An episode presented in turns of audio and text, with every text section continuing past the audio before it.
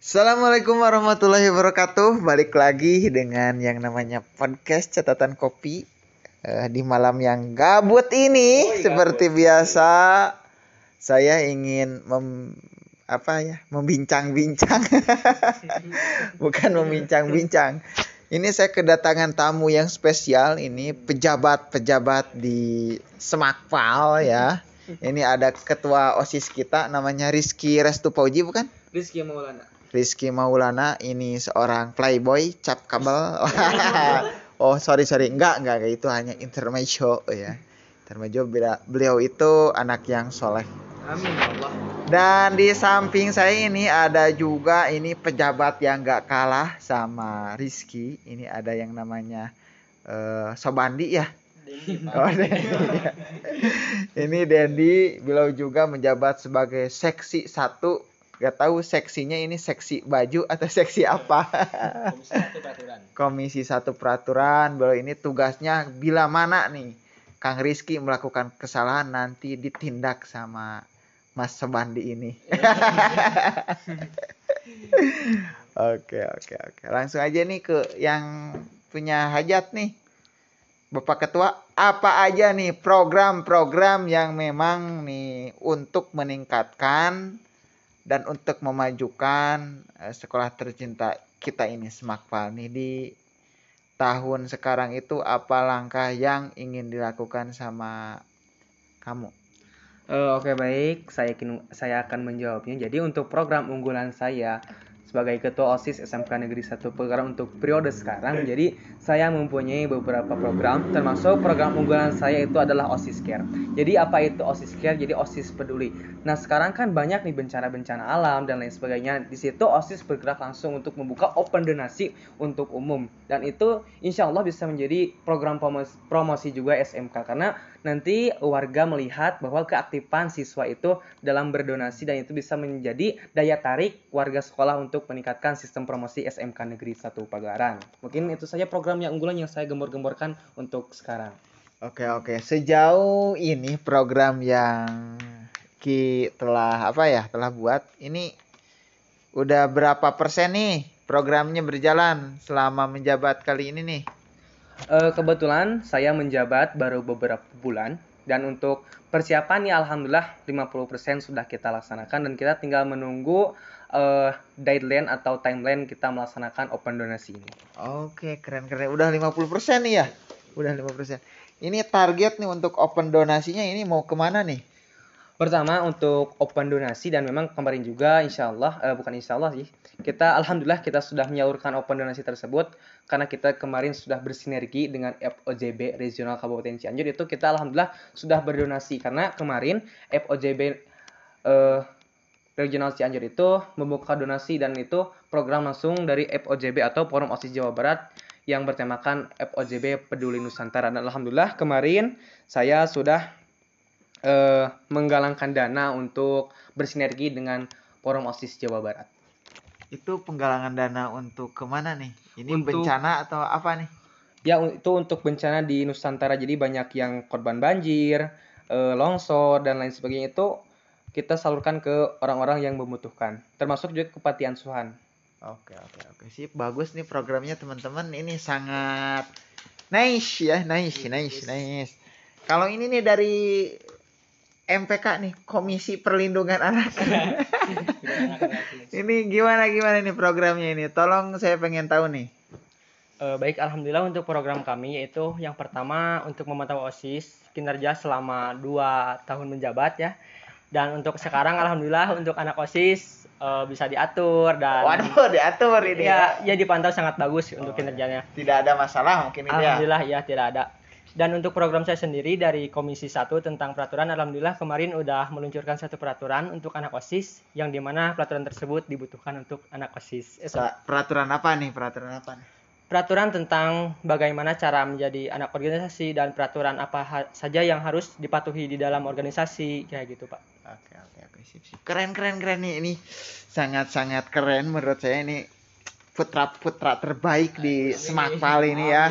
Pasti ini yang saya pandang nih dari se- sebelah mata.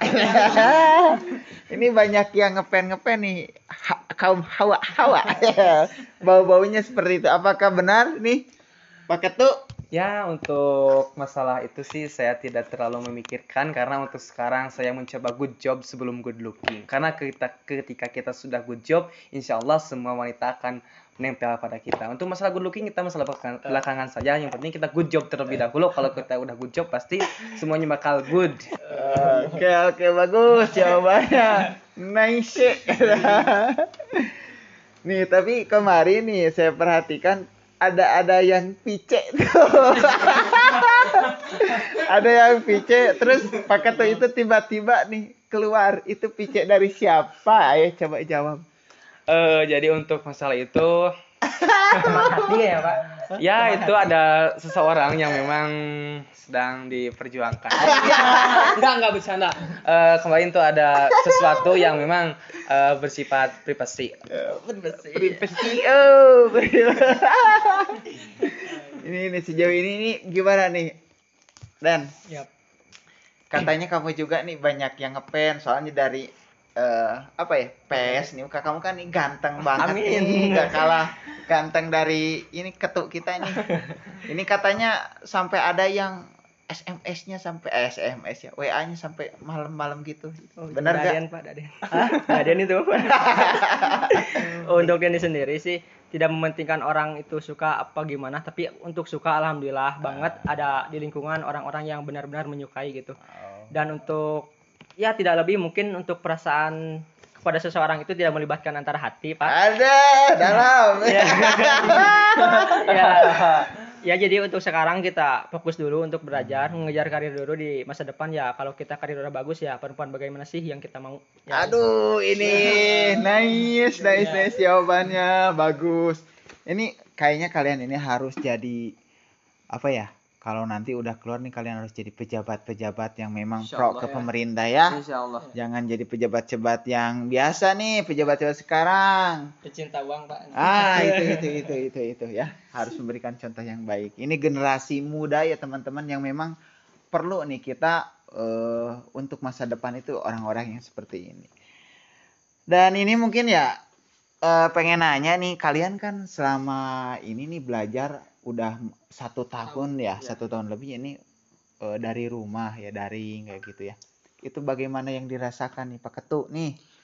Pertama yang saya rasakan itu adalah kurang efektifnya dalam mengajar karena memang selama kita belajar di kelas saja itu konsentrasi kita itu terganggu apalagi kita belajar secara daring atau secara online itu secara pemahaman kita tuh sangat kurang sekali memahami eh, pelajaran yang diberikan oleh guru dan untuk keaktifika keaktif apa sih? Efektif tersebut itu banyak sekali mengganggu karena memang ketika kita di rumah eh, aktivitas itu aktivitas kita itu sangat berbeda sekali. Apalagi yang di rumahnya pelosok dan lain sebagainya kekurangan jaringan kuota. Apalagi yang buat teman-teman yang di sana yang tidak punya smartphone itu sangat susah sekali untuk menjangkau pembelajaran secara daring ini. Oke oke oke. Eh gimana rasanya nih ditinggal nggak diajar sama saya nih? Sangat menyedihkan, Pak. Ada. ya. ya, kenapa? Karena mungkin Bapak sendiri adalah guru favorit saya dari kelas 7. Kiu kiu. ya. ya. 2000, 2000. yang pertama dari cara mengajar, cara menerangkan itu benar-benar sangat dipahami Oke. untuk terutama untuk pelajaran Bapak tersendiri. Ya, sangat menyedihkan dan kangen untuk sekolah juga. Oh. Karena kangen sekolah juga bukan teman-teman juga tapi untuk belajar juga karena pendidikan adalah ujung tombak bagi negara kita untuk maju. Allahu Akbar nih jawaban jawabannya luar biasa nih teman-teman. Oke mungkin itu ya perasaan kalian ketika kalian di rumah itu terkadang mungkin kaget juga ya karena serentak kita harus eh, meninggalkan rutinitas yang memang biasanya kita kan belajar di sekolah secara tidak langsung pas adanya pandemi ini seperti ini kalian langsung otomatis harus belajar di rumah sampai sekarang satu tahun dan entah mau kapan nih pandemi ini berakhir. Nah harapan kalian mungkin ke depannya apa aja nih? untuk harapan saya ke depannya adalah sistem pendidikan Indonesia yang maju gitu karena eh, sistem pendidikan Indonesia itu sangat berbeda sekali dengan negara-negara yang di luar sana gitu. Tapi insya Allah ke depannya harus lebih baik lagi dan harapan saya adalah eh, Indonesia semakin maju dan untuk generasi bangsa itu bukan saya sebagai buk, eh, bukan generasi bangsa tapi saya ingin menjadi ke depannya itu adalah menjadi eh, generasi perubah bangsa gitu jadi dan saya ingin memberikan yang terbaik untuk bangsa ini saya ingin memberikan yang terbaik untuk negara ini saya ingin menjadi agent of change agent perubahan untuk negeri ini Oke, luar biasa. Bagaimana nih Dan? Kamu? Ya untuk ini sendiri yang pertama ya dari pendidikan dan yang kedua itu dari respon pemerintah juga Oh. agar eh, anak-anak bangsa ini tidak lari ke luar negeri. Jadi kita tetap mengem- mengembangkan negara Indonesia itu dengan respon dari pemerintah yang baik gitu. Oh. Karena kebanyakan anak bangsa itu kurang respon dari pemerintah, kurang respect dari pemerintah akibatnya dia gak ada ataupun don atau berkarya di luar negeri kayak seperti itu, Pak. Oke. Eh, kalau kalian kan sekarang nih baru kelas 11 nih ya, baru kelas 11. Terus udah ada gambaran belum atau me- memang misalkan sekarang udah ada project belum nih untuk menggapai cita-cita kalian itu sekarang udah eh, ada yang dilakukan belum nih Pak Ketut? nah pertama cita-cita saya itu sangat bisa dibilang sangat banyak sekali ya. Heeh. Eh, pertama saya tuh pengen ya pengen menjadi seorang aktivis pengen menjadi eh, orang yang memang mengabdi di masyarakat. Terus untuk sampingan-sampingan dan lain sebagainya saya tuh eh, sangat suka untuk melatih voice over atau tentang teknik-teknik suara. Dan untuk eh, pekerjaan yang umum atau menjadi aktivis dan untuk orang yang mengabdi di masyarakat untuk saat ini saya memang bergabung di beberapa organisasi dan memang organisasi organisasi tersebut itu melatih saya untuk menjadi seorang aktivis dan organisasi itu juga membuat saya berbaur dengan masyarakat atau eh ya untuk berbaur pada rakyat gitu. Jadi Mhm. saya melatih itu dan saya juga punya cita-cita kuliah gitu, kuliah dan mengam- mengambil fakultas sosiologi dan eh, sistem pemerintahan atau ilmu pemerintahan karena saya ingin mengabdi di masyarakat seperti itu. Oke. Nice, semoga apa yang dicita-citakan sama eh, Mas Rizky ini, Rizky Febian ya, Iya. Mudah-mudahan karirnya tercapai. Kita doakan ya teman-teman, catatan kopi semuanya kita doakan Bu, untuk Mas Rizky semoga apa yang dicita-citakannya tercapai. Dan ini untuk Mas Dani kema- Ya. gimana nih? Alhamdulillah untuk cita-cita Dendi yang ingin dikejar sekarang adalah ingin menjadi sarjana hukum, Pak. Waduh, keren, Ya, keren. Alhamdulillah semoga aja tercapai amin. Nah, langkahnya apa aja nih yang udah dilakukan nih? Untuk langkah pertama untuk pengembangan diri Dendi agar bisa tercapai cita-cita itu menjadi seorang yang bergelut dalam dunia organisasi, dalam dunia komunitas, dalam pemerintahan dan dalam sosial juga seperti itu. Dan untuk sekarang untuk di rumah Dendi belajar yang pertama adalah ingin belajar menjadi penulis. Heeh, Alhamdulillah untuk buku udah ada yang Hmm. udah diselesaikan seperti itu. heeh. Dan insya Allah untuk terbit bulan-bulan sekarang atau tahun-tahun sekarang. Udah dapat penerbitnya belum nih? Oh, Dendi kemarin nyoba di Guepedia, Pak. Heeh, gimana? untuk awal untuk responnya ya alhamdulillah baik cuman agak banyak eh, atau sedikit revisi juga Ah, ya Tapi perbaiki gimana udah udah ini udah finishing? alhamdulillah untuk finishing udah cuman sekarang lagi diperbaiki lagi karena untuk penerbit dari Wikipedia katanya ini yang harus diperbaiki seperti itu Untuk judulnya nih, untuk judulnya ini bisa gak dibocorkan apa gitu? untuk judulnya sendiri itu dulu memang banyak untuk judulnya Dendi Ah. bingung juga dan untuk sekarang eh, lebih ke isi dan Dendi ngasih judul itu jangan pernah menyerah Aduh, keren nih teman-teman nih. Anak-anak muda kelas 11 udah bisa bikin buku dan katanya sebentar lagi mau terbit. Teman-teman semuanya nih selama pandemi udah ngerjain apa nih di rumah? Tolong dong nih kasih eh, apa? Ikuti nih contoh-contoh teman kita yang memang aktif dan bagus lah bisa memanfaatkan waktu seperti itu ya.